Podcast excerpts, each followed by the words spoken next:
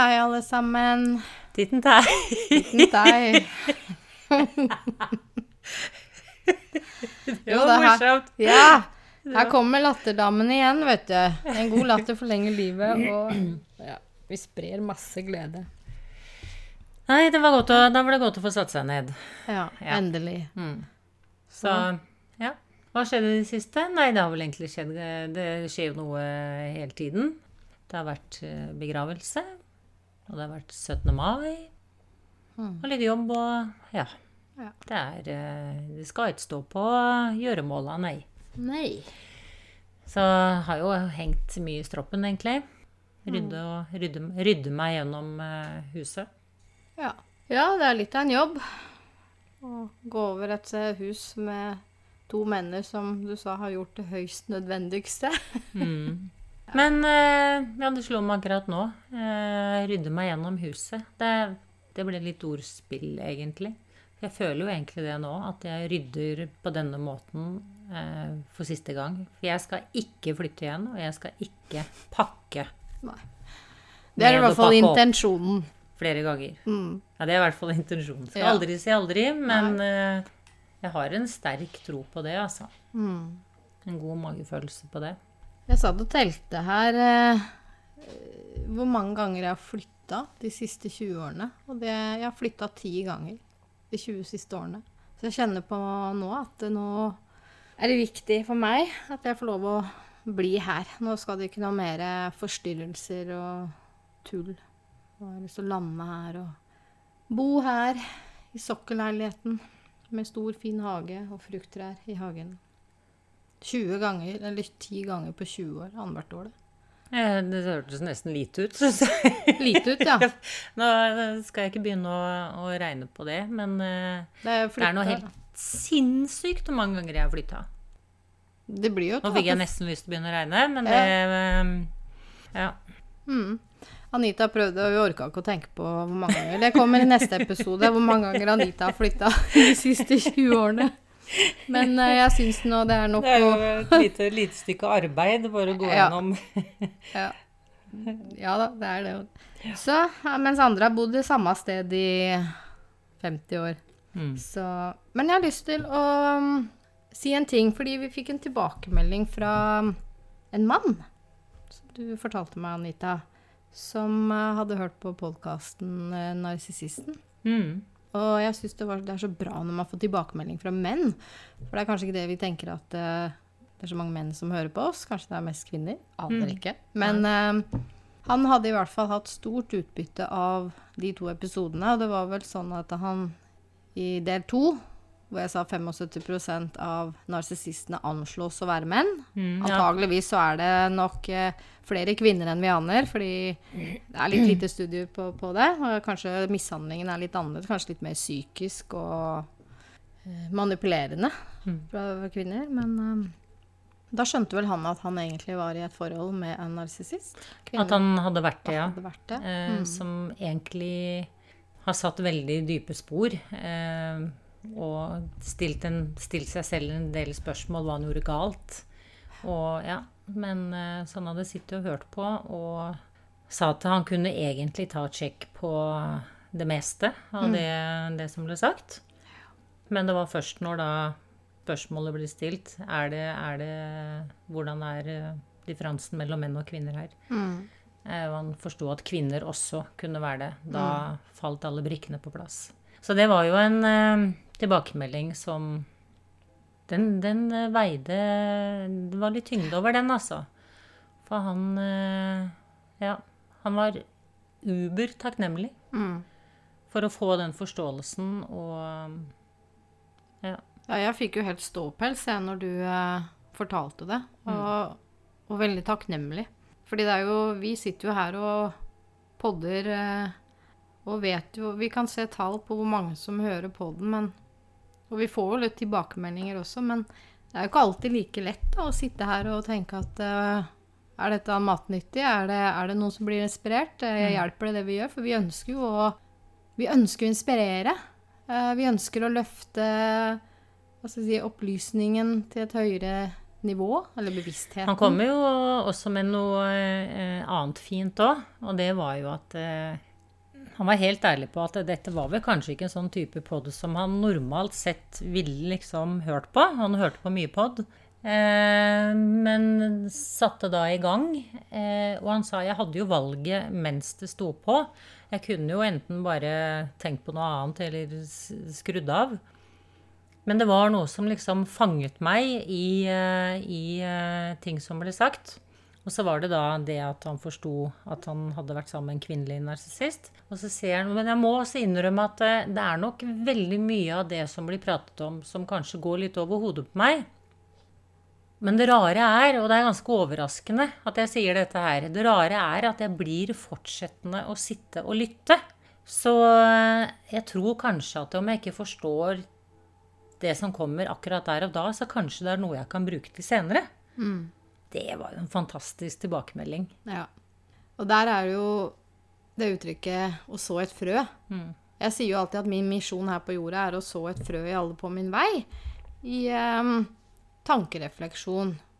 Begynne å tenke litt, reflektere litt, være til stede i eget liv. Men om det frøet får gro eller ikke, er ikke opp til meg. Det er jo opp til den enkelte. Det kan begynne å gro med en gang. Det kan begynne å gro om noen måneder, kanskje år. Men uh, det er jo det frøet da, som eh, vi har sådd i han, og så kan det hende at det begynner å spire og gro etter hvert. Um, ja, det kan være ting som man uh, har nytte av. Ja. jeg vil jo si det at i forhold til narsissister så tror jeg jo at det er veldig lett å tenke at dette er en sånn mannesykdom. Men det er jo faktisk ikke det. Det er jo en del kvinner der ute som, som også er det, og vi finner de i lederstillinger, eh, finansmiljø sånn spesielt, eller også i veldedige organisasjoner. fordi det er jo de typene som ønsker å skape seg en sånn fasade. Mm. Se hvor flink og fin og snill og god jeg er, og så er det hjem, og så er det å bedrive psykisk eh, vold overfor sin ekte mann eller barn. Jeg tror det henger også litt sammen med det jeg var innom søsterskap at kvinner har fått den, kall det den hardheten, da. Eh, det har jo egentlig kanskje litt med en overlevelse å gjøre. For det var jo sånn langt tilbake i tid. Jeg nevnte jo det at eh, kvinner var jo en tribe, ikke sant. Og det fortsatt urbefolkning gjør jo det enda. Hva legger du i ordet tribe? Det er en stamme. At du har, du har et nettverk, da. Mm. Ikke sant? Vi er, vi, er, vi er en gruppe med kvinner som støtter hverandre. Fordi vi kvinner har jo veldig mye følelsesliv, og det er jo veldig mye som pågår, og vi har jo veldig mange oppgaver. Så i urbefolkningen i dag, det er ikke så mange igjen av de, men så er det jo sånn at i disse landsbyene så samles jo kvinnene og prater om ting som ligger dem på hjertet. Mens mennene kanskje er ute og jakter. ikke sant? Så dette er jo egentlig den, den. Og dette her ligger i oss alle sammen. Mm. Dette har ikke forandret seg sånn menneskelig sett, da, fra tidenes uh, oppstandelse. Men så har det jo vært mye tristhet gjennom historien. Uh, ja. Hvor kvinnene har blitt steinet og kastet og ja, kastet ut i ørkenen og ikke hatt noe, ikke hatt noe verdi. Eller brent på bålet. Eller brent på bålet. Og det er litt sånn arvesynd som egentlig følger fortsatt oss lite grann. Det, og det er jo egentlig naturlig, fordi Si disse kvinnene da som var healere og drev med naturmedisin, og, og som da skulle utryddes. For de sto jo for noe som var noe annet enn det fysiske. Da var det jo veldig vanskelig for en annen kvinne å stå opp for henne, for da ville jo hun bli brent på bålet også. Så hun måtte snu ryggen til sin søster. Mm. Og dette har fulgt oss. Det, det, er en arvesynd som ligger litt i oss uten at vi helt er klar over det. Mm. Eh, så det er eh, veldig mange av disse harde, sterke kvinnene det, er, det ligger veldig mye overlevelse i dem. Da. De har litt glemt den feminine, den mykheten og det feminine som er liv. Og det som er For det feminine betyr jo vi. Og det maskuline betyr jeg. Ja. Mm. Veit du hva vannprøven går ut på for heksene? Ja, ja, ja. altså Hvis du flyter, så er du en heks, og hvis du synker, så, synker, så er du det ikke. Nei. Så det, det, er vel eh, Hva har du å stå Andre enden av vinn-vinn. Ja. Hva har du å stå opp med noe sånt? Og det er ikke så lenge siden vi gjorde dette. Nei. Jeg var jo ehm, Hvor er dette lille museet? Jeg var jo oppe og hadde et eh, kurs i yoga for en del år siden. Ja, det står helt stille for meg. Men i hvert fall, det var helt, der, der gikk du bortover en Jeg sånn håper ikke du eh, opplevde vannprø vannprøven der. Nei, der opplevde jeg ikke vannprøven, men det var, der var det jo eh, bortover en langgang eh, historier, ikke sant, om eh, Mm. kvinner som eh, var angitt av naboer og, og Ja, det, Det, var, Som det ble jo til ja. det for å selv kunne overleve, ikke sant. Nei, så Frykt. Så Men det er Ja. skremmende at det ikke er så lenge siden, egentlig. Mm. Du tenker bare noen hundre år tilbake, så holdt man på med sånt. mm. Det er ikke så lenge. Så da har det egentlig bare kommet nye former. Mm. Hvis man egentlig begynner å skrelle lagene, så ser man at det, det, det samme ligger der. Men nå, Mm. nå trenger vi jo ikke det. Det er jo som, det er som dette med å være i det eh, sympatiske nervesystemet også. Når du er i frys og flukt, så er det jo det kroppen er redd for. Det er jo den sabeltanntigeren som skal komme og ta deg. Mens det kanskje egentlig bare er å hoppe ut i litt for kaldt vann. ikke sant? Men følelsen er den samme, da. Det var kanskje litt dårlig sammenligning, men eh, Det er jo et uttrykk som heter vel 'savannen inne i kontorlandskapet'. ja. Altså, Ja, vi- ikke sant? Savannen inne i kontorlandskapet. Det er ikke en løve som står der du har et tidspress det er- ja. på det, f.eks. det er deadlines og press. ja. Mm. Det blir akkurat det samme. Kroppene våre er liksom i Ja. Det er Stress. noen universelle lover og noen grunnmekanismer som ligger i oss alle sammen. Det var noe du sa der som jeg bare skulle mista det. Men jeg kan si noe annet. Det er jo det at stress er jo nummer én årsak til hjerte- og karsykdom. Så er det én ting vi bør gjøre, så er det å redusere stress. Mm. Og hvordan gjør man det? Jo, det handler jo om å kanskje bli litt mer til stede i livet sitt da, og se hva som er viktig og, og ikke viktig. Og ta bedre valg for seg selv. Noe kan vi ikke styre, og andre ting kan vi styre. Og stress tror jeg kanskje kan være litt misforstått. For de fleste tenker at det er når du må forte deg. Når du må liksom gjøre ting veldig fort. For å rekke over mest mulig. Men det tror jeg vi tåler. Eh, over, en, over en eh, kort periode. Så lenge du kan komme ned i det parasympatiske innimellom, hvile mens du spiser, du sover godt om natten, så, kan, så tåler vi ganske høyt tempo. Poenget er om, om det er en sånn stemme inni deg som alltid sier at du ikke får noe gjort nok. At du må gjøre mere. Mens du egentlig gjør ganske mye. Det er jo det som egentlig blir stress. Ja. For nervesystemet vårt, det er jo eh, vi, skal, vi har jo en sånn Hvis vi ser på oss en flat linje, så er det jo parasympatiske. Det er når vi liksom klarer oss å slappe av. Og det er jo meditasjon og hvile, gå i naturen. Rest and digest. Eh, gjøre yoga, spise et godt måltid. Og så har vi det sympatiske.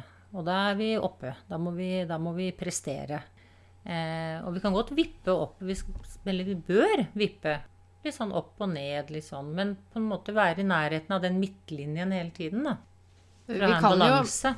Når det gjelder stress eh, Vi kan jo snakke mye mer om dette her i en annen pod, mer eh, hva som foregår i kroppen når det er stress. Men en veldig god øvelse er jo med pusten så kan vi styre oss inn i parasympatisk og sympatisk. Men det forutsetter at det er en dyp og god pust som du trekker gjennom diafragma, som er pustemuskelen. Som også, når den viser seg ut, så masserer den jo tarmene. Men den påvirker også vagusnerven, som er kommunikasjon mellom magen og hjernen. Og 95% av signalene til vagusnerven går fra magen og opp til hjernen. Og det er ganske interessant. Mm. Og det var, var vi inne på første episode. Liksom, hvem er det egentlig som Er det hjernen som er stjernen, eller er det magen, tarmen? Så som jeg pleier å si eh, på yogaen, det er jo hvis du har en stressende hverdag, så sett av fem minutter eh, hver time til å ta noen gode, dype pust, og gjerne puste inn kanskje på åtte tellinger, holde åtte og puste ut på åtte. For da gjør du at du er til stede i pusten og det du gjør. Og virkelig puste dypt ned til det liksom ikke er plass til mer. Det er på måten du enkelt kan trekke deg inn i parasympatisk modus. Så hvis du da har en eh, kontorjobb, eller du er stressa og du er i mye møter, og du skal inn i et møte og du er kjempestressa, ta den tiden. Sett av den tiden og puste. Det blir som når vi løper orientering og tror at vi mister tid ved å stoppe opp og lese kartet. Mm. Nei. Det er hvis du bare fortsetter å løpe, da løper du deg vill. Mm. det Mm. blir litt det samme som det her òg. Mm.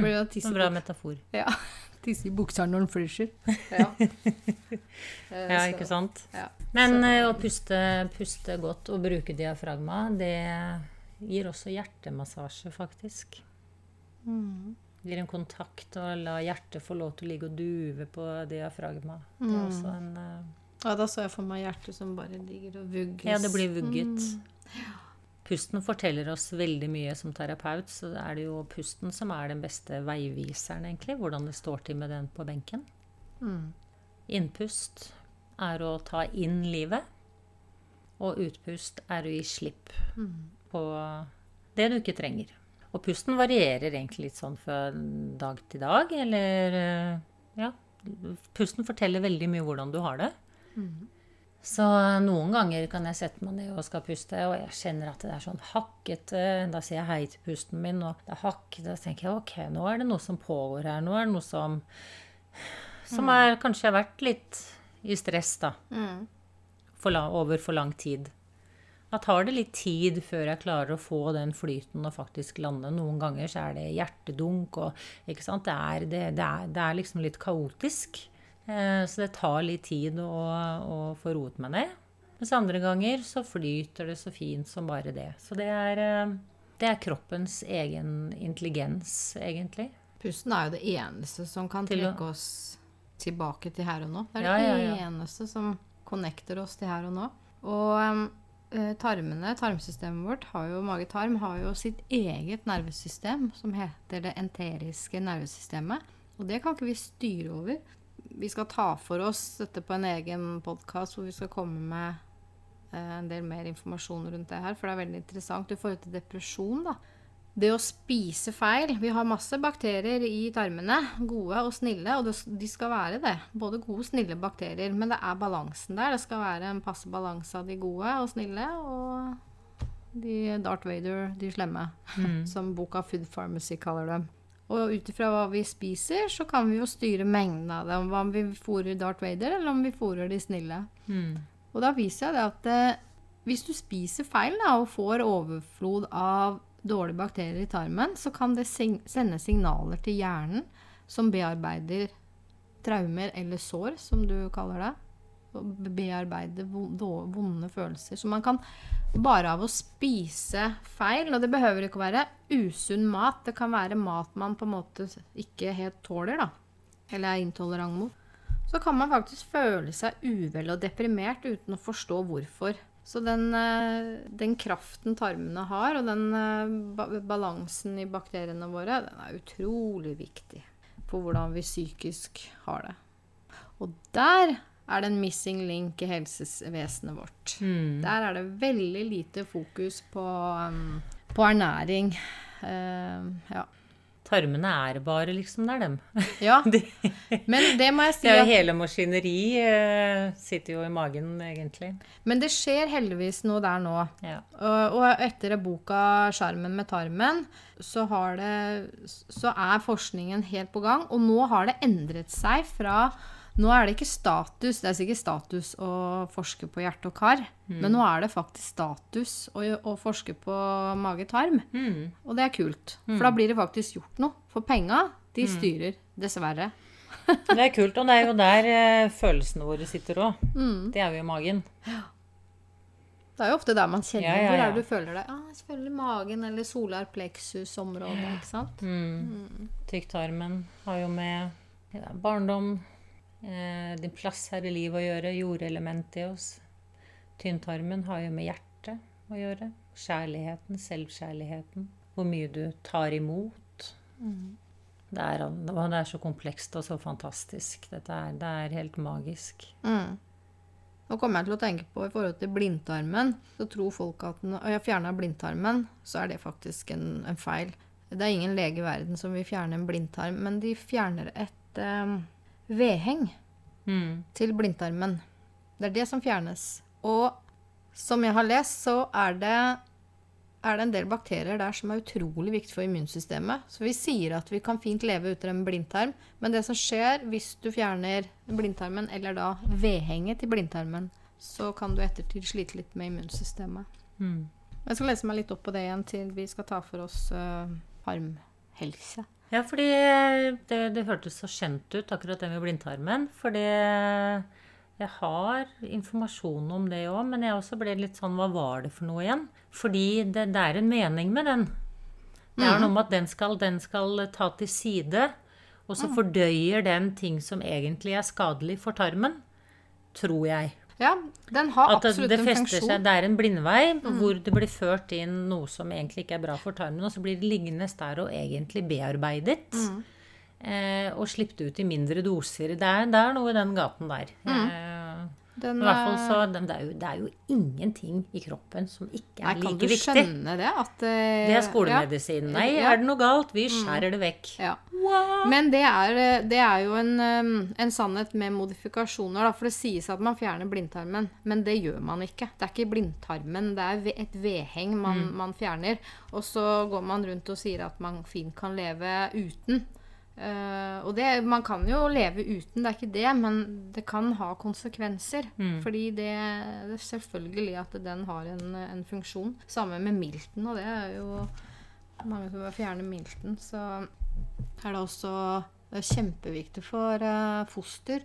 For det er der hele immunsystemet på en måte starter å bygges opp, da. Hvis jeg ikke husker feil, de seks uke, første ukene i mors mage. Så milten er viktig. Men uh, lese oss litt opp på, um, på disse tingene. For nå, nå snakker jeg bare ut ifra det jeg har på minnet. Det er to bøker jeg eh, har lest i forhold til, til tarm. Og det er eh, 'Sjarmen med tarmen', selvfølgelig. Og så er det magefølelse. Det er tre damer i Sverige som har skrevet den boka. Ernæringsfysiologer og yogalærere, faktisk. Og um, i forhold til um, irritabel tarm. Mm. Og da er det jo problemet tykktarmen. Og vi kan jo godt da si hva det fysiske, og så kan man jo gå inn på det metafysiske, som du sa. Hva, hva kan være de underliggende um, årsakene? Jeg er jo veldig opptatt av det. Jeg er jo veldig opptatt av bevissthetsmedisin. Altså at enhver sykdom kommer fra det mentale. Og også naturmedisin. Mm. Jeg kan bare ta noen enkle, fordi it makes sense. Og det slo meg akkurat nå. Det er noe Lilly Bendriss bruker òg. It makes sense. Sens, sansene dine. Sansene mine reagerer på eh, den informasjonen, da. Fordi at det, det, det er bare så Det bare føles så riktig inni meg. For det henger sammen. Som eksempel har du smerter på forsiden av kroppen, så handler det om fremtiden. Det er noe i fremtiden du er usikker på, eller har frykt for, eller er bekymret for. Har du smerter på baksiden av kroppen, så er det fortiden. Det er fortidens sår, minner, situasjoner som gjerne vil forløses. Siden av kroppen, det er nåtiden. En veldig stiv kropp, så kan man også si at det kommer fra et stivt tankesett. Så ryggsmerter, selvstøtte Ryggen er jo støtten vår, det er den som holder oss oppreist. Hvor mye støtte gir du til deg selv? Hvor mye støtte føler du at du har utenom deg selv? Og ikke nødvendigvis da kanskje fra andre mennesker, men selvfølgelig det har jo med relasjoner å gjøre. Men også at du har en tillit til at det er noe større. ikke sant? Det er en mening, det er noe Det er, det er, det, er, det er virkelig noe som, eh, som holder deg Jeg må nevne um, en i min um, omgangskrets, da. Er veldig stiv i tankesettet, men har et godt hjerte. Ja, et eksempel i forhold til Nav, da, hvordan de regner ut uh, regnestykket for stønad til livsopphold. Jeg fikk jo avslag på det forrige måned, for jeg fikk en bilgodtgjørelse fra DNT. Jeg er frivillig, ikke sant? Og og så snakker jeg med han om det, og så sier han ja, nei, men det er bare å innrette seg etter sånne systemer, vet du. Kommer ingen vei med å mene noe annet og sånn og sånn. Og da tenker jeg det er vel ingen endring noensinne i verdenshistorien som har skjedd på bakgrunn av en sånn innstilling. Nei. Oi, oi, oi. Du kan ikke, sånn kan vi bare Veldig Ja, bare mange som bruker den, altså. Ja. Ja, men sånn er det bare. Mm. Sånn har det alltid vært, og sånn vil det alltid være. Jeg bare sier munn, munnbind.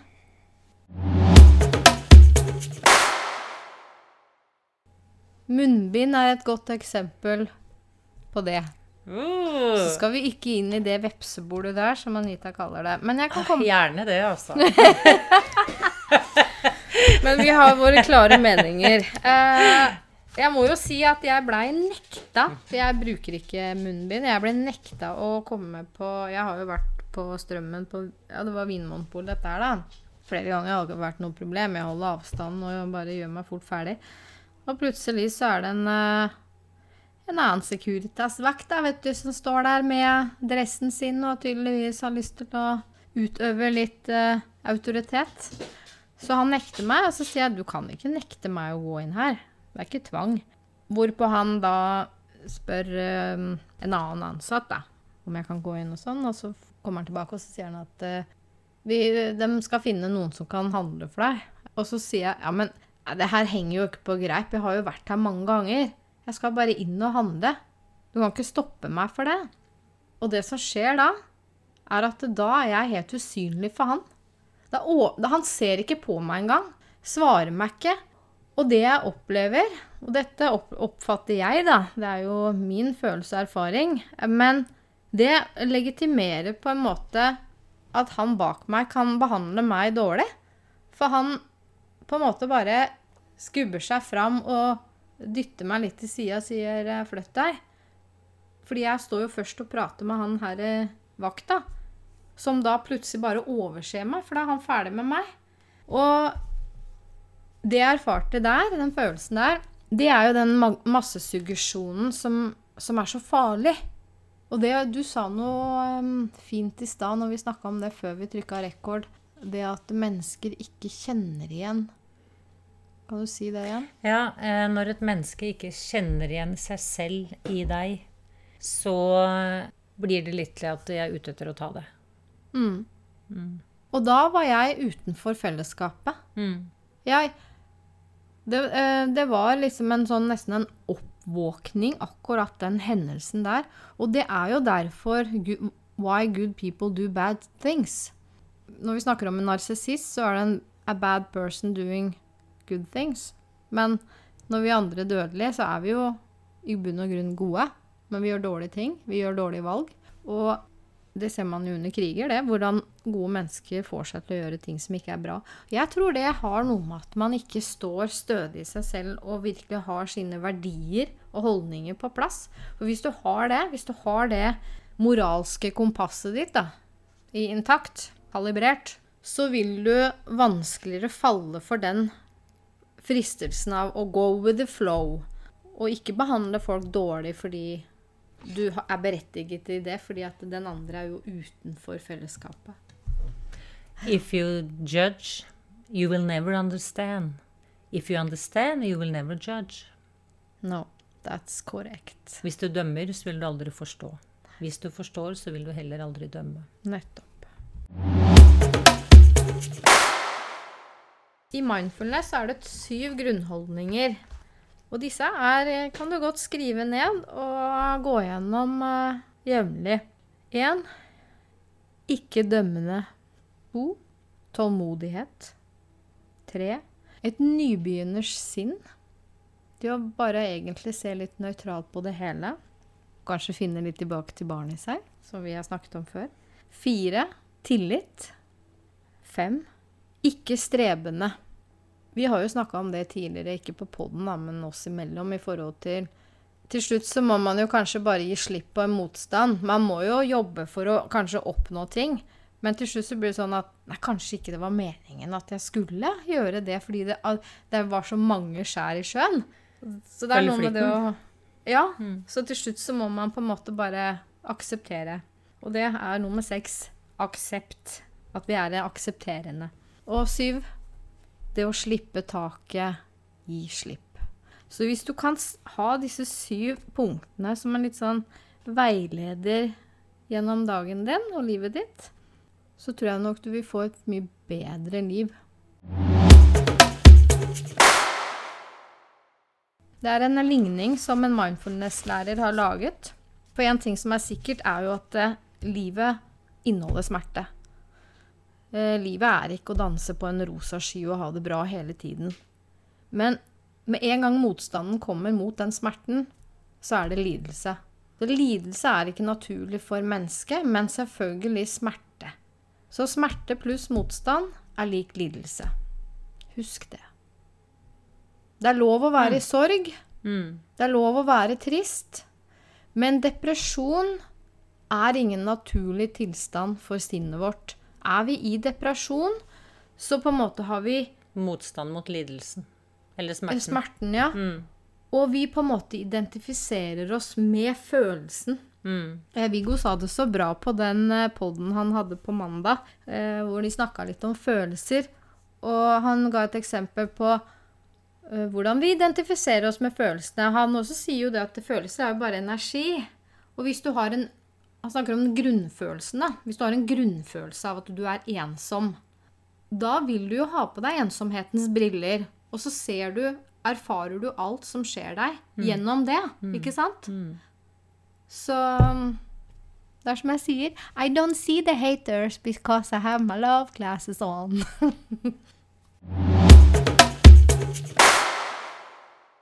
ja, det er ikke helt sant, det er altså. Jeg har mine dype daler, jeg òg. um, ja, for det Man kan egentlig si at din virkelighet, din ytre virkelighet, er et utfall av ditt indre tankemønster. Mm. Det vi tenker og er overbeviste om, det er det vi opplever. Mm. Så hvis du stadig opplever noe som er um, vi se, jeg har en venninne av meg som uh, over en periode Har jeg ikke sagt dette før? Usikker. Du får se om du kjenner igjen, Line. Om, eh, jeg vet, husker Ja. ikke om det var det bare hørtes som kjent ut på poden, men vi får se. Eh, I hvert fall så var det Hun følte stadig at det var noen som liksom var ute etter henne. Det var eh, Ja, hun skulle ned i vaskeri, og så var det noen som klaget på at det var klær i en maskin, eller at han brukte for lang tid. Det var en som, eh, som ringte på døren i forhold til hun måtte ta inn avisen sin. Det var ikke gå på plen. Du vet, hun følte at i butikken? Det, var, det var så mange ting da, som hun liksom Åh, hva er det med Hvorfor skal, alle, hvorfor skal så mange mennesker bry seg med meg? Og da sa jeg at eh, her tror jeg kanskje det handler om å sette litt grenser. Istedenfor å ha en opplevelse av at alle er ute etter deg. Når noen sier noe eller går imot deg som er liksom in your face, så må du si 'Dette er ikke greit. Dette får du ikke lov til. Back off'. Men så lenge hver gang noen var in her face, så gikk jo hun i, i frys og flukt. Ikke sant? Hun mm. eh, tenkte nå er det noen som er ute etter meg. Og grunnleggende sikkert det er et eller annet som er gærent. Jeg har gjort noe feil, eller jeg har Så det var noe med å stå opp for seg selv og si dette er ikke greit. Mm. Det har ikke du noe med. Pass på deg selv, så passer jeg på meg. Ikke sant? Litt. Ja. Og da har man jo Da har man jo kommet dit hvor man er i en litt, det er jo, nå er vi inne på speilinger, da. Ja. Ikke sant? At alle de rundt, de viser jo noe. Og hvis det er noe som stadig er gjentagende, du hvis- så er det egentlig noe som prøver å bli fortalt deg. ja. Da kan jeg fortelle en egen historie, faktisk, om det. Mm. På 17. mai. 17. mai, jeg hadde nattevakt natt til 17. mai.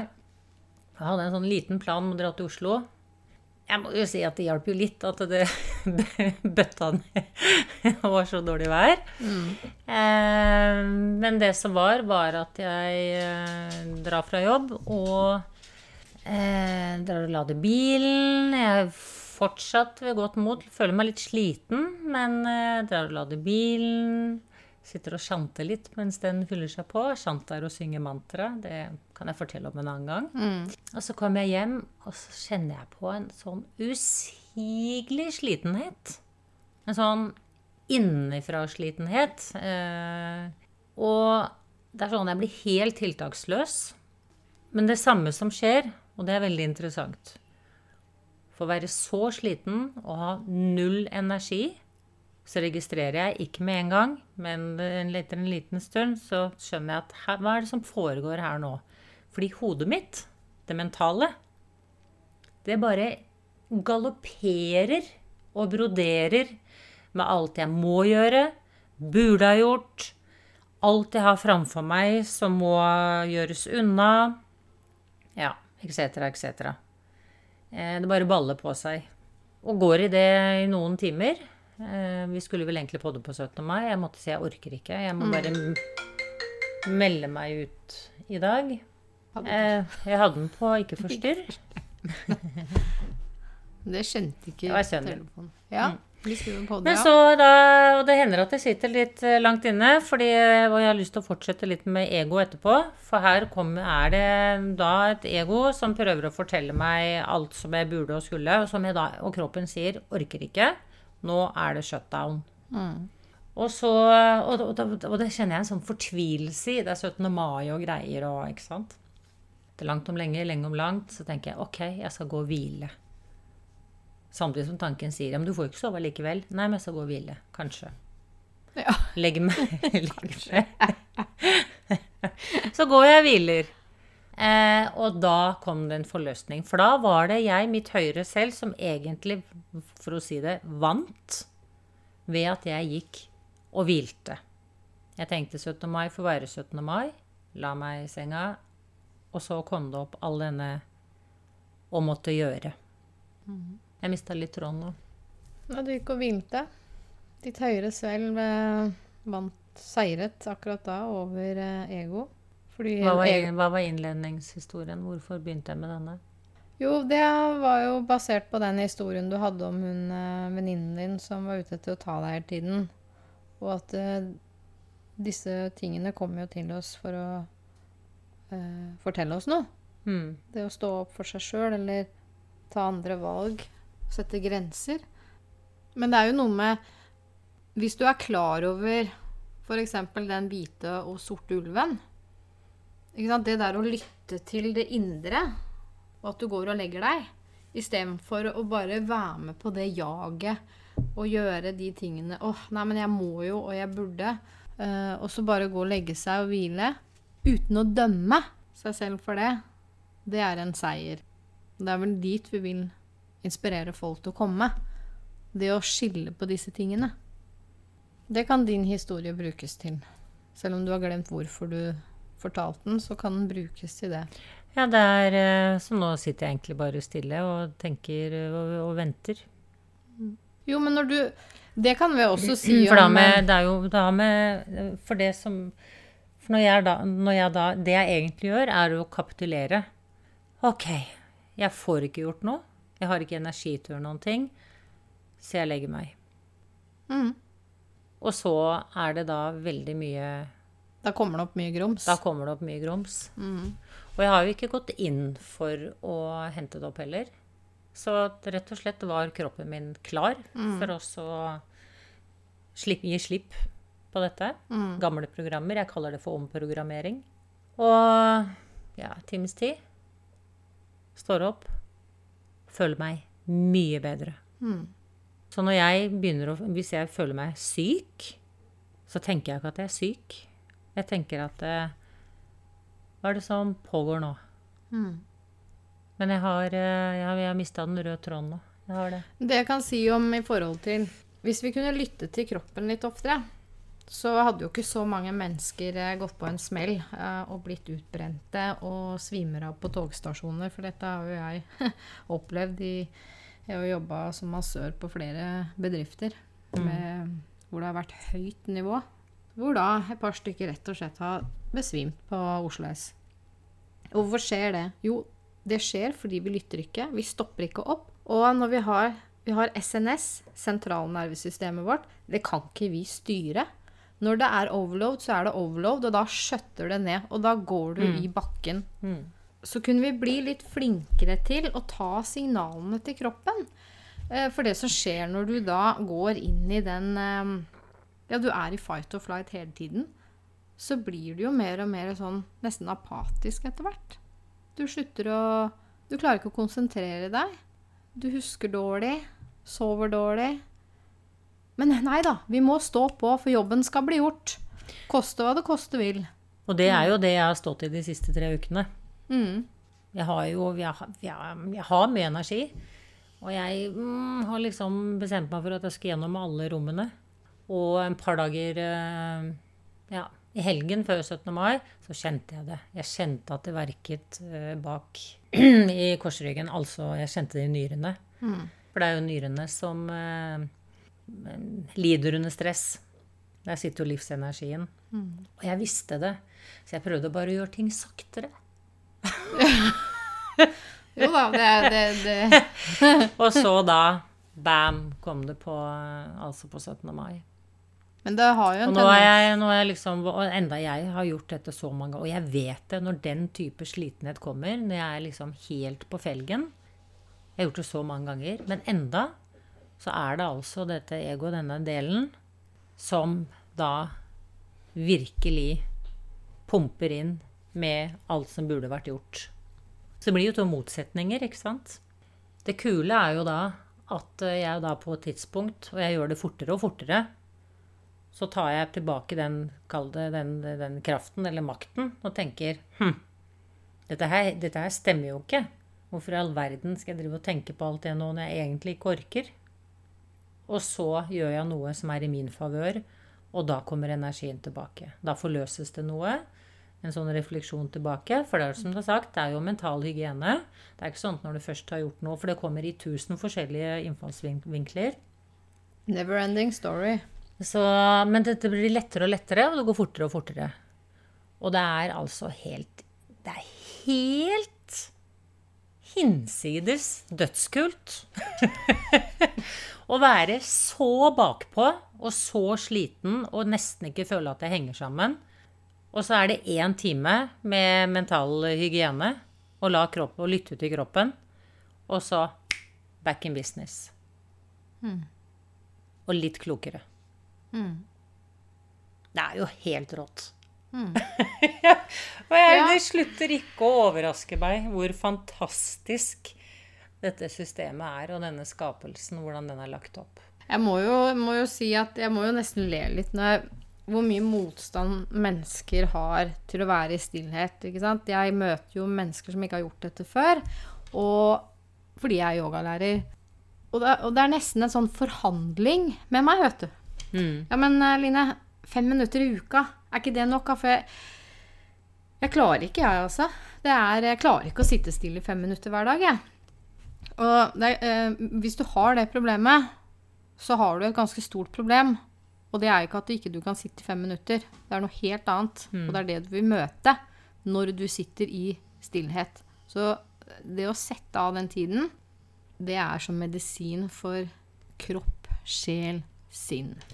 Det er i stillhet vi kan se med nye øyne, og det er da vi kan lytte. Ja.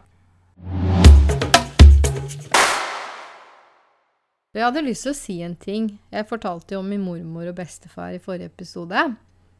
Som da var eh, sentral i Milorg. Og jeg syns det bare er så vakker historie, fordi at det, de giftet seg jo etterpå, etter krigen. Og mormor sydde sin egen brudekjole av fallskjermstoffet til en tysk soldat. Se iro- ironi, eller se det vakre i det, ja. Mm. Og så nevnte jeg André Bjerke. Og så sa jeg at han var en skogens mann, men det var ikke han jeg tenkte på. Jeg tenkte på Hans Børli. Det er han som er en skogens mann. Han var tømmerhogger og skrev jo da dikt om skogen. Djupt i mørket, mellom stjernene, midt i den ytterste ensomhet, er menneskehjertene alltid sammen. Det er Hans Børli. Jeg har lyst til å følge opp litt det jeg sa i sted. Og det er eh, For jeg har en annen, eh, et annet bilde på det også. eh, I forhold til yoga. Jeg er jo veldig glad i kundalini-yoga. For det som er så fantastisk med den type yoga, det er at eh, alle disse øvelsene, da, og det har ingenting med, med åndelighet eller noe religion eller eh, å gjøre. Det er rett og slett dette menneskelige, hvordan vi er bygd opp av energier og disse blokkeringene og meridarianer, pusten, diafragma. Og øvelsene gjør endringene fra innsiden. De endringene som jeg søker. Jeg kan jo velge spesifikke øvelser som er til f.eks. å få mer glede, eller for å eh, senke mentale, den mentale energien, for å samle meg, eh, forbedre tarmhelse, for hva det måtte være. Mm. Eh, så jeg tar ofte sånne 40 days challenge, altså 40 dager, hvor jeg gjør noen faste øvelser hver dag. 40 dager hver dag det er en commitment til meg selv. Og jeg er fullt klar over at når jeg første dagen begynner med det, og jeg er veldig standhaftig, fordi at det er nemlig en av the overcome, det å komme seg over, og det er å fullføre.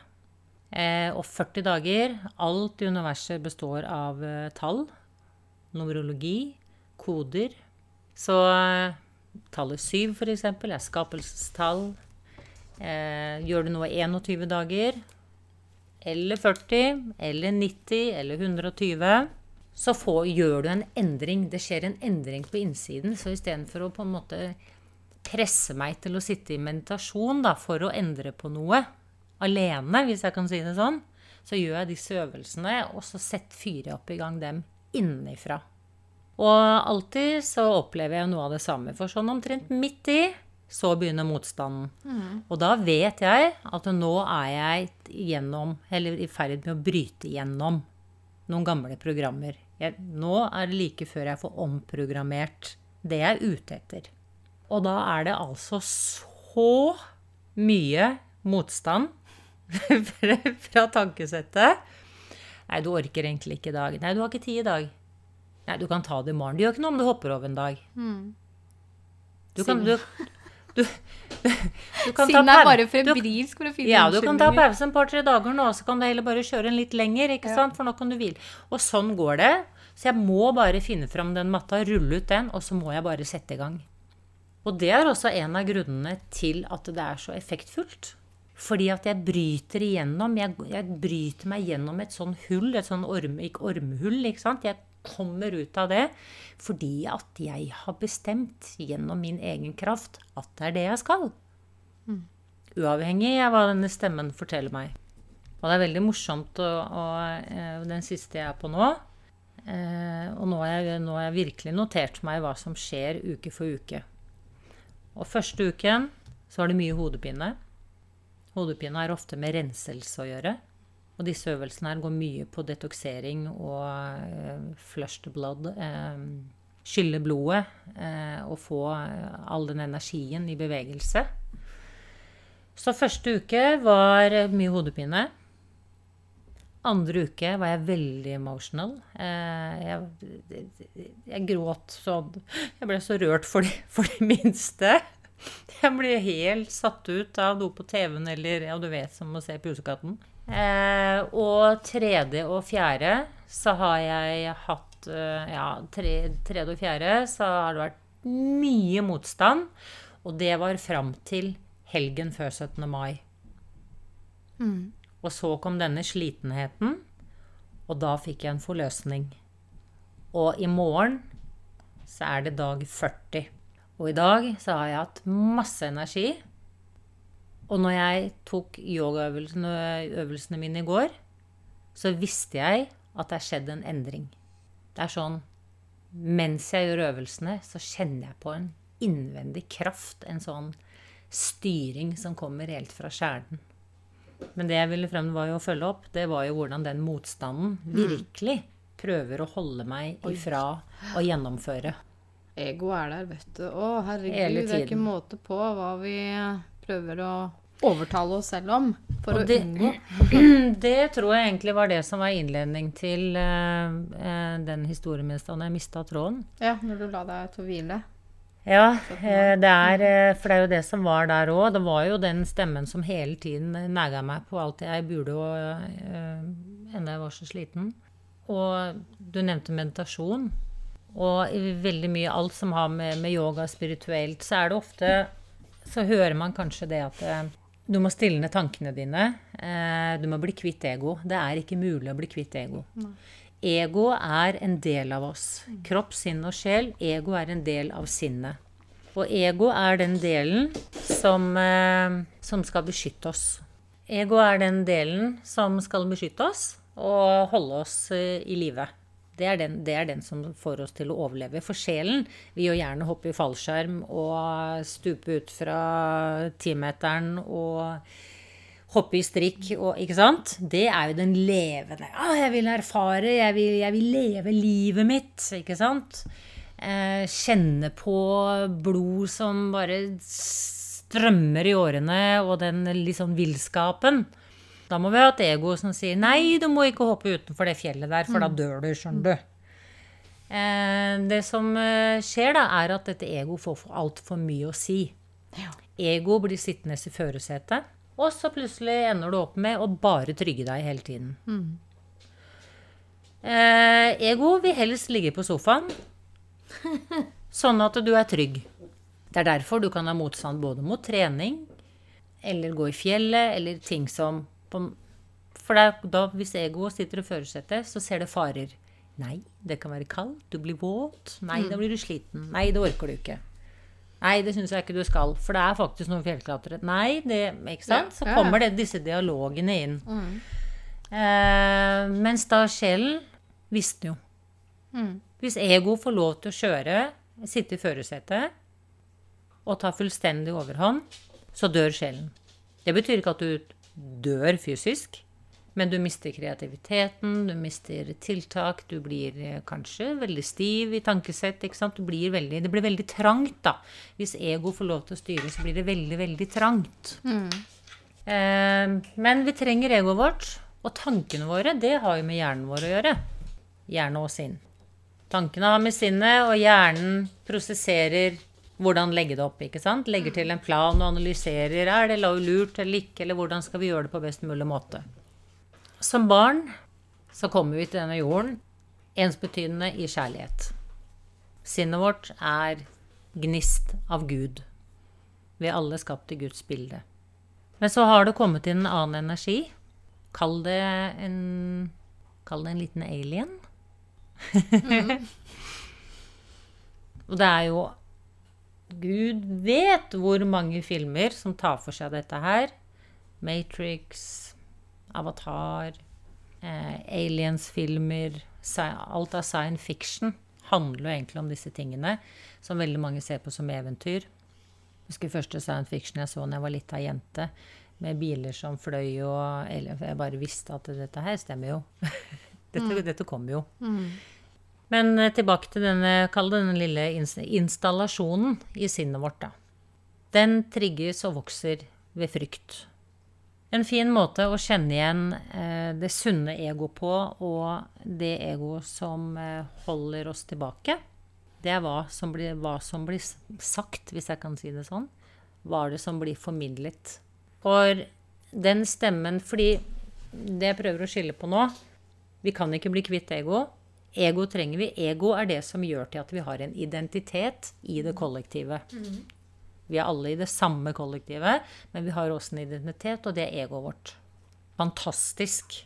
Igjen, det er det som gjør til at vi overlever. Men får det for stor plass, så skal vi bare trygges. Og måten å kjenne det igjen på, det er hva som blir formidlet. Som den stemmen. Du kan si den installasjonen. Vi kan godt kalle det den litt sånn sorte ulven her, egentlig. Grunnsetningen. Grunnsetningen. Ja, det er liksom 'jeg er ikke bra nok'. Ja. Den som ligger og ulmer hele Ikke sant? Og den, eh, og den er jo ikke bare din egen, men den er jo også det kollektive. Det er jo veldig mange som går rundt med en mindreverdighetsfølelse eller komplekser på et eller annet plan.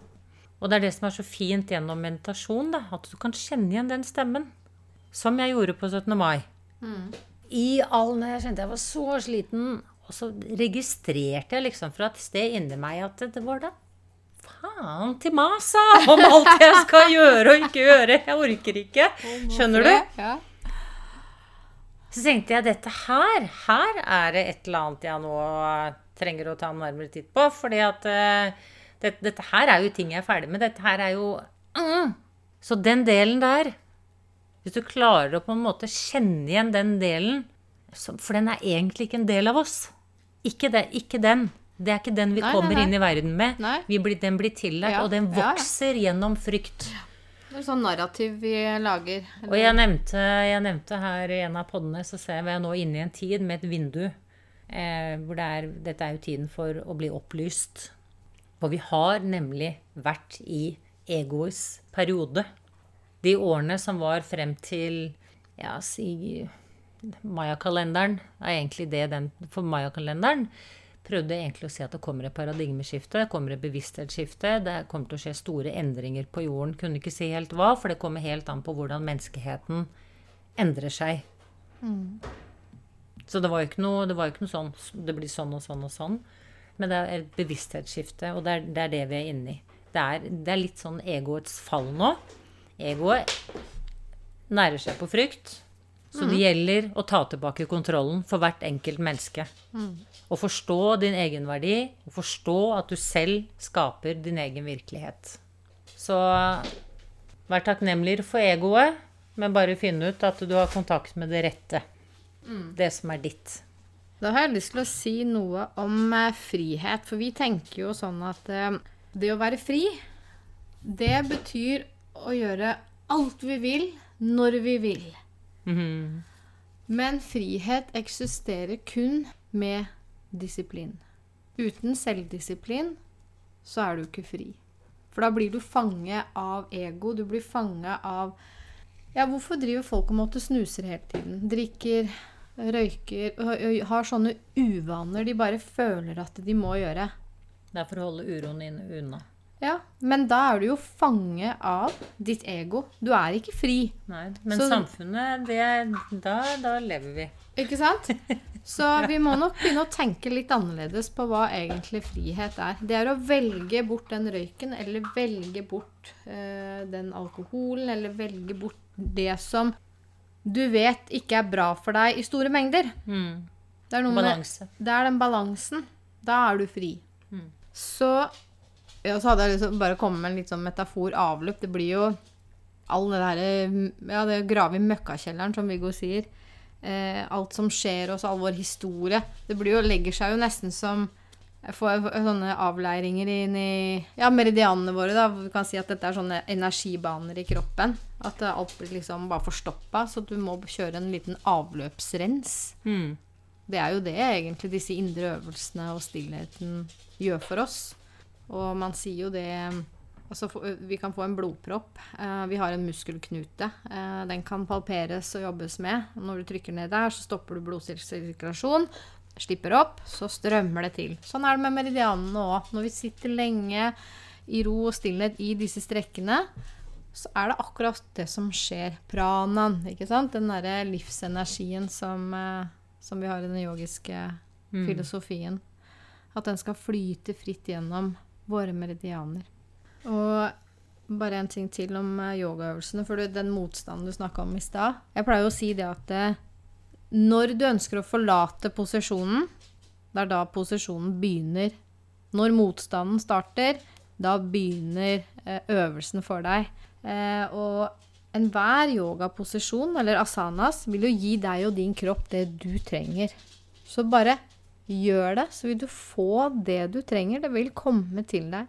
Og som du også sa, Anita, man kan føle seg ja, få hodepine, man kan bli lei seg. Man kan, man kan, få noen følelsesmessige reaksjoner etter at man begynner med øvelser. Og det kan man få selv om man har gjort det i 20 år. ikke mm. sant? Ja, ja. Det er jo ikke noe sånn 'Å, nå har jeg tatt den rensen', så eh, Sånne ting forløses hele tiden. Så, um, og at en tåre kommer underveis i en, en, øvelse, så er det også helt normalt. Og det er viktig at man bare egentlig lar ting få lov til å komme. Og grunnen til at eh, ja, du, du, nevnte Stan Neverending Story. Det er jo fordi at vi er jo ikke statiske. Vi er jo hele tiden i forandring. Mm. Tenk hvor mye inntrykk som er for denne, denne organismen vår hver dag.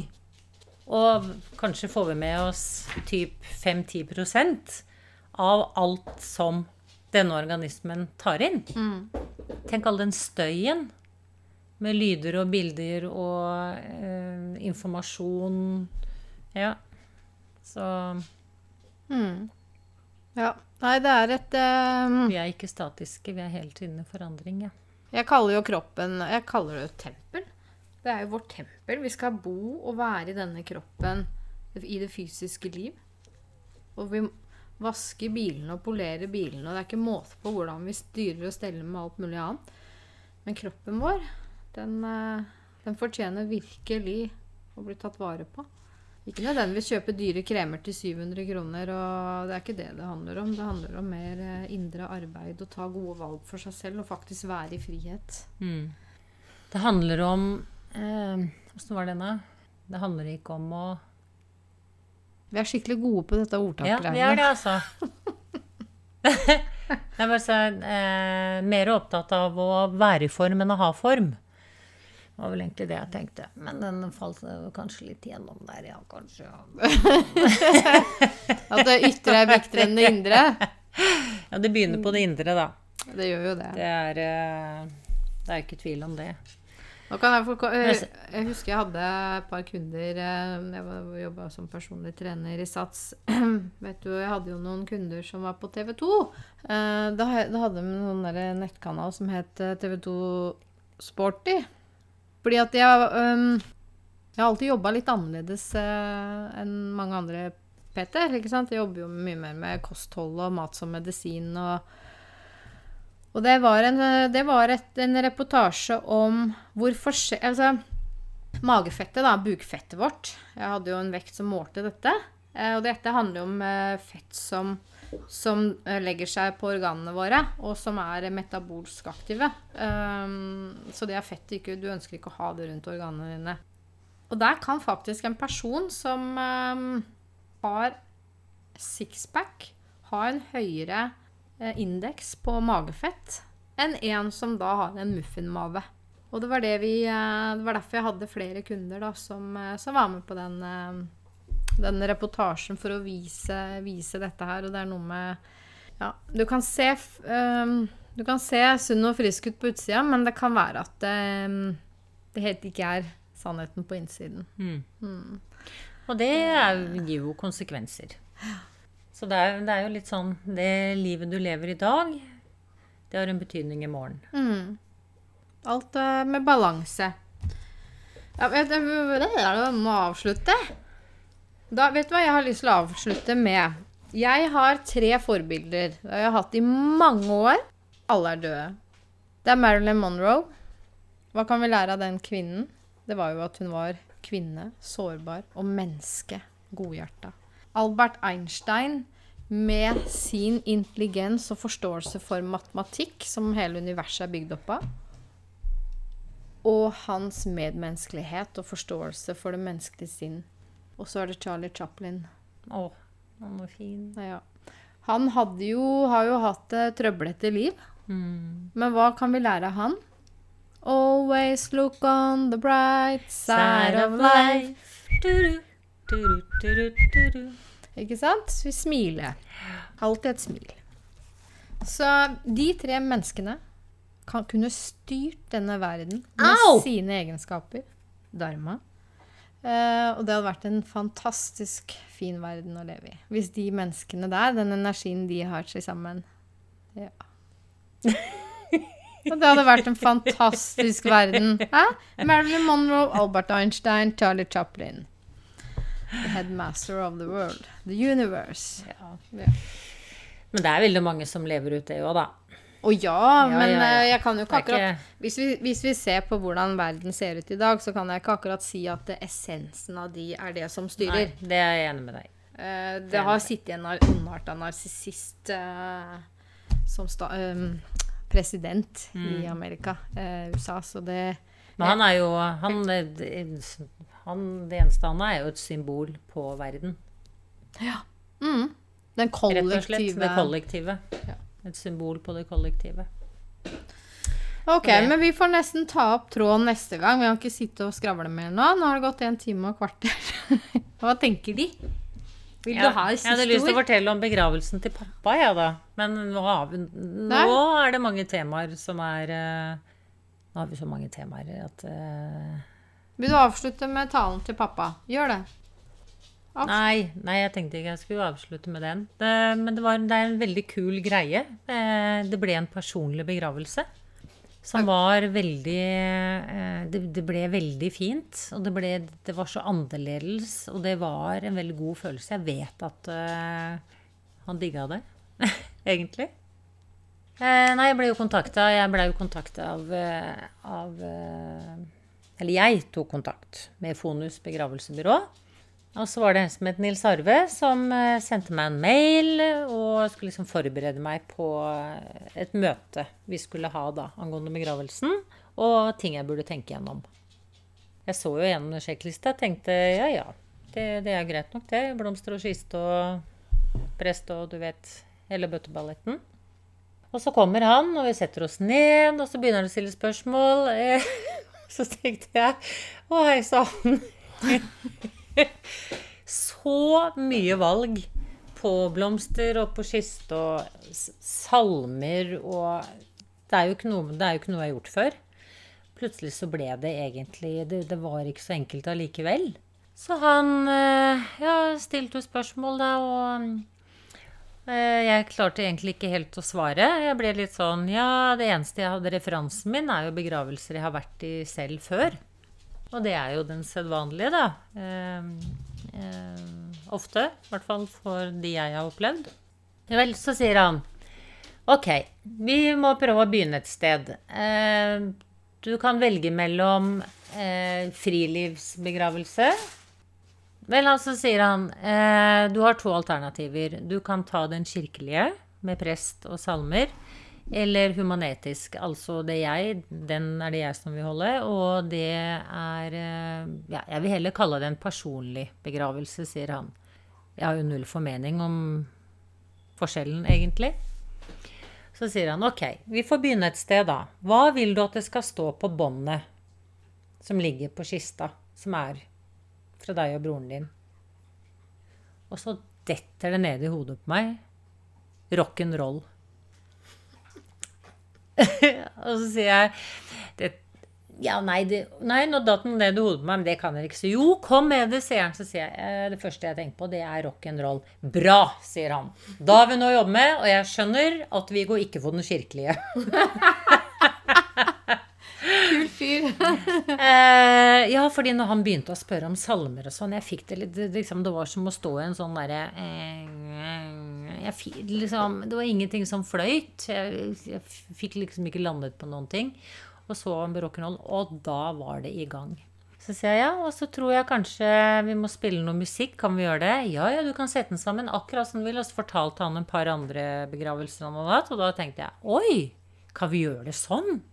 Eh, så da snekra vi dette her sammen, og det ble altså så bra. Eh, det føltes så bra. Og det sa også de som var der. De ble beveget. Og det var en begravelse som fortalte om pappa og pappas liv. Mm. Ærlig og kult, må jeg få lov til å si. Mm. Det var hvit kiste. Det var en nydelig blomsterbukett. La egentlig litt i akkurat den som lå oppå, men i freshe farger. Rødt og oransje. Når vi går inn og har satt oss, så starter seansen med Pink Floyd. Mm. Eh, med eh, 'Coming to Life'. Var derfor du hørte på Pink Floyd sist? Med den derre Å, fy søren. Og den sa jeg, jeg, vet hva, jeg hørte at ståpelsen reiste seg bak meg. Jeg satt jo på første rad. Og disse gutta og mennene den, bare det, det, var Det ble helt Det var nesten så taket løfta seg der. For det ble altså så intenst. Mm. Jeg hørte ferdig den. Og da Nils Arve reiser seg opp og, og tenner lys og eh, holder da eh, en minnetale som også ble veldig fin. Eh, den fikk jeg fikk faktisk eh, Det fløyt ganske bra når jeg satte meg ned og begynte å skrive på den. Eh, litt om, om livet hans. Og så var det en hilsen fra sønna mine, hilsen fra broren min og en hilsen fra meg. Og så spilte vi Majesty med, med Sivert Høyem. Å oh ja, det var han Madrugada? Ja. Mm. Am I good or am I bad? Det er også helt magisk. Og så var det å lese opp eh, båndene. Eh, og det sto rock'n'roll fra meg og broren min. Fordi jeg tenkte nå blir det rock'n'roll i himmelen. Nå blir det liv. Nå er du fri. Og gutta mine, de valgte å skrive The Wall Is Down. Outside the Wall av Pink Floyd. Altså vi brukte strofer fra, de brukte strofer fra Pink Floyd. Outside the Wall. Nå er veggen nede. Hvil i fred. Og så kom Roy Orbinson med Windsurfer. Og da hørte vi den, og på slutten så reiste seks stykker seg opp, tok tak i kista og bar den ut mens den musikken tona ut. Det var begravelsen. En personlig begravelse som ble meget bra. Ja, det høres helt fantastisk ut. Så. Så det var en god, en god avskjed, og ja. Du har virkelig æret hans liv. Det er akkurat det jeg gjorde. Eh, samtidig så følte jeg at jeg var, jeg var ærlig på i talen min. Jeg har egentlig litt lyst til å lese opp den. For jeg, den har litt budskap i seg, egentlig, eh, som datter. Og også det å Jeg er jo for ærlighet, da. Men man kan være ærlig uten at man er Ufin. Ufin. ufin. Det er det vi ønsker. For og det blir liksom noe det, det er lite kongruent, og det blir liksom noe feil eh, å bare komme med sånne fraser eller klisjeer fordi at det er det man skal, hvis du forstår hva jeg vil igjen. Så Være autentisk. Ja. skal jeg lese opp den, de ordene fra meg. Mm. Jeg tar bare den fra meg personlig, da. Ikke om hele livet hans og sånn. Den går så her. Pappa, du var min helt når jeg vokste opp. Den sterkeste og flinkeste pappa. Det var ikke den ting du ikke kunne fikse. Og jeg og broren min hadde alltid de nyeste lekene, noe som var veldig stas. Det har vært mye spennende opplevelser opp igjennom. Biler og båter, ja, selv hest fikk jeg være den lykkelige eier av i en alder av 16. Vi har vært på flotte turer ut i verden. Selvsagt USA og andre reisemål. Han var veldig sånn Amcar-mann. Det har vært camping, vannski, fisking, andejakt, opplæring i luftgevær på blink og blikkbokser. Som barn hadde vi også hver vår gokart som du bygde opp fra et nedstengt tivoli. Og du elsket bilturer nedover til sydligere strøk, mil etter mil. Noe kanskje ikke verken mamma eller vi syntes var mest gøy, men du var sjefen, så slik ble det. Det ble nok litt mye statusjag, og det kom nok litt i veien for den dypere relasjonen mellom oss. Du har alltid sagt at jeg har mye rart for meg, fra tidlig alder og helt inn til det siste. Det har vært mye motstand på hvem jeg er. Dette har preget meg mye gjennom hele livet. Men det har også presset meg inn i å finne ut hvem er Anita. Se forbi andres forventning og mening og finne mot til å endre programmer og overbevisninger som ikke er mine, eller er bærekraftige for meg selv eller andre. Så takk. Du har vært en sosial og rastløs mann som stadig søkte nye eventyr, og du har alltid hatt en forkjærlighet for de mindre heldige samfunnet. Du har prøvd å redde noen løse fugler opp igjennom, kanskje tatt noen valg som ikke var til det beste for deg selv eller oss rundt. Men hvem vet hva vi alle kommer hit til jorden for å erfare. Hver sjel vandrer som kjent sin egen sti. De siste årene har vært vanskelige. Du satte deg selv i fengsel over din egen situasjon, og det var tungt å være rundt deg. Alt det vonde du kjente på innsiden, fikk utløp gjennom sinne og verbale angrep. Men jeg vet at du var mye mer. Du har også vært liten gutt, tenåring og en ung mann med drømmer, og livet skjer. Men nå har du jo fasiten og kan veie din egen vekt. Jeg tilgir din tilkortkommenhet og ærer ditt levde liv. Vi fikk et godt siste møte på Ullern før du reiste. Jeg var der alene, og du hadde lagt ned våpnene. Det var fint.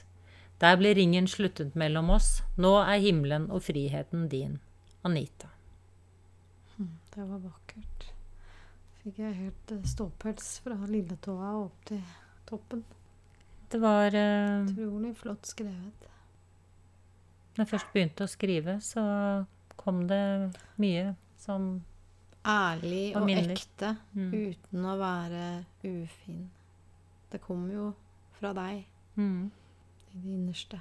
Fra barndom til Fra start til slutt. Ja. ja, da har vi vært dekket. Liv og død. Alt imellom. Og alt, alt imellom. Over og under. Og sideveis. Så da sier vi takk for i dag, da, kjære. Vi sier takk for i dag. Takk lys, for i dag, lys og, lys kjærlighet. og kjærlighet. Vi høres. Ha det.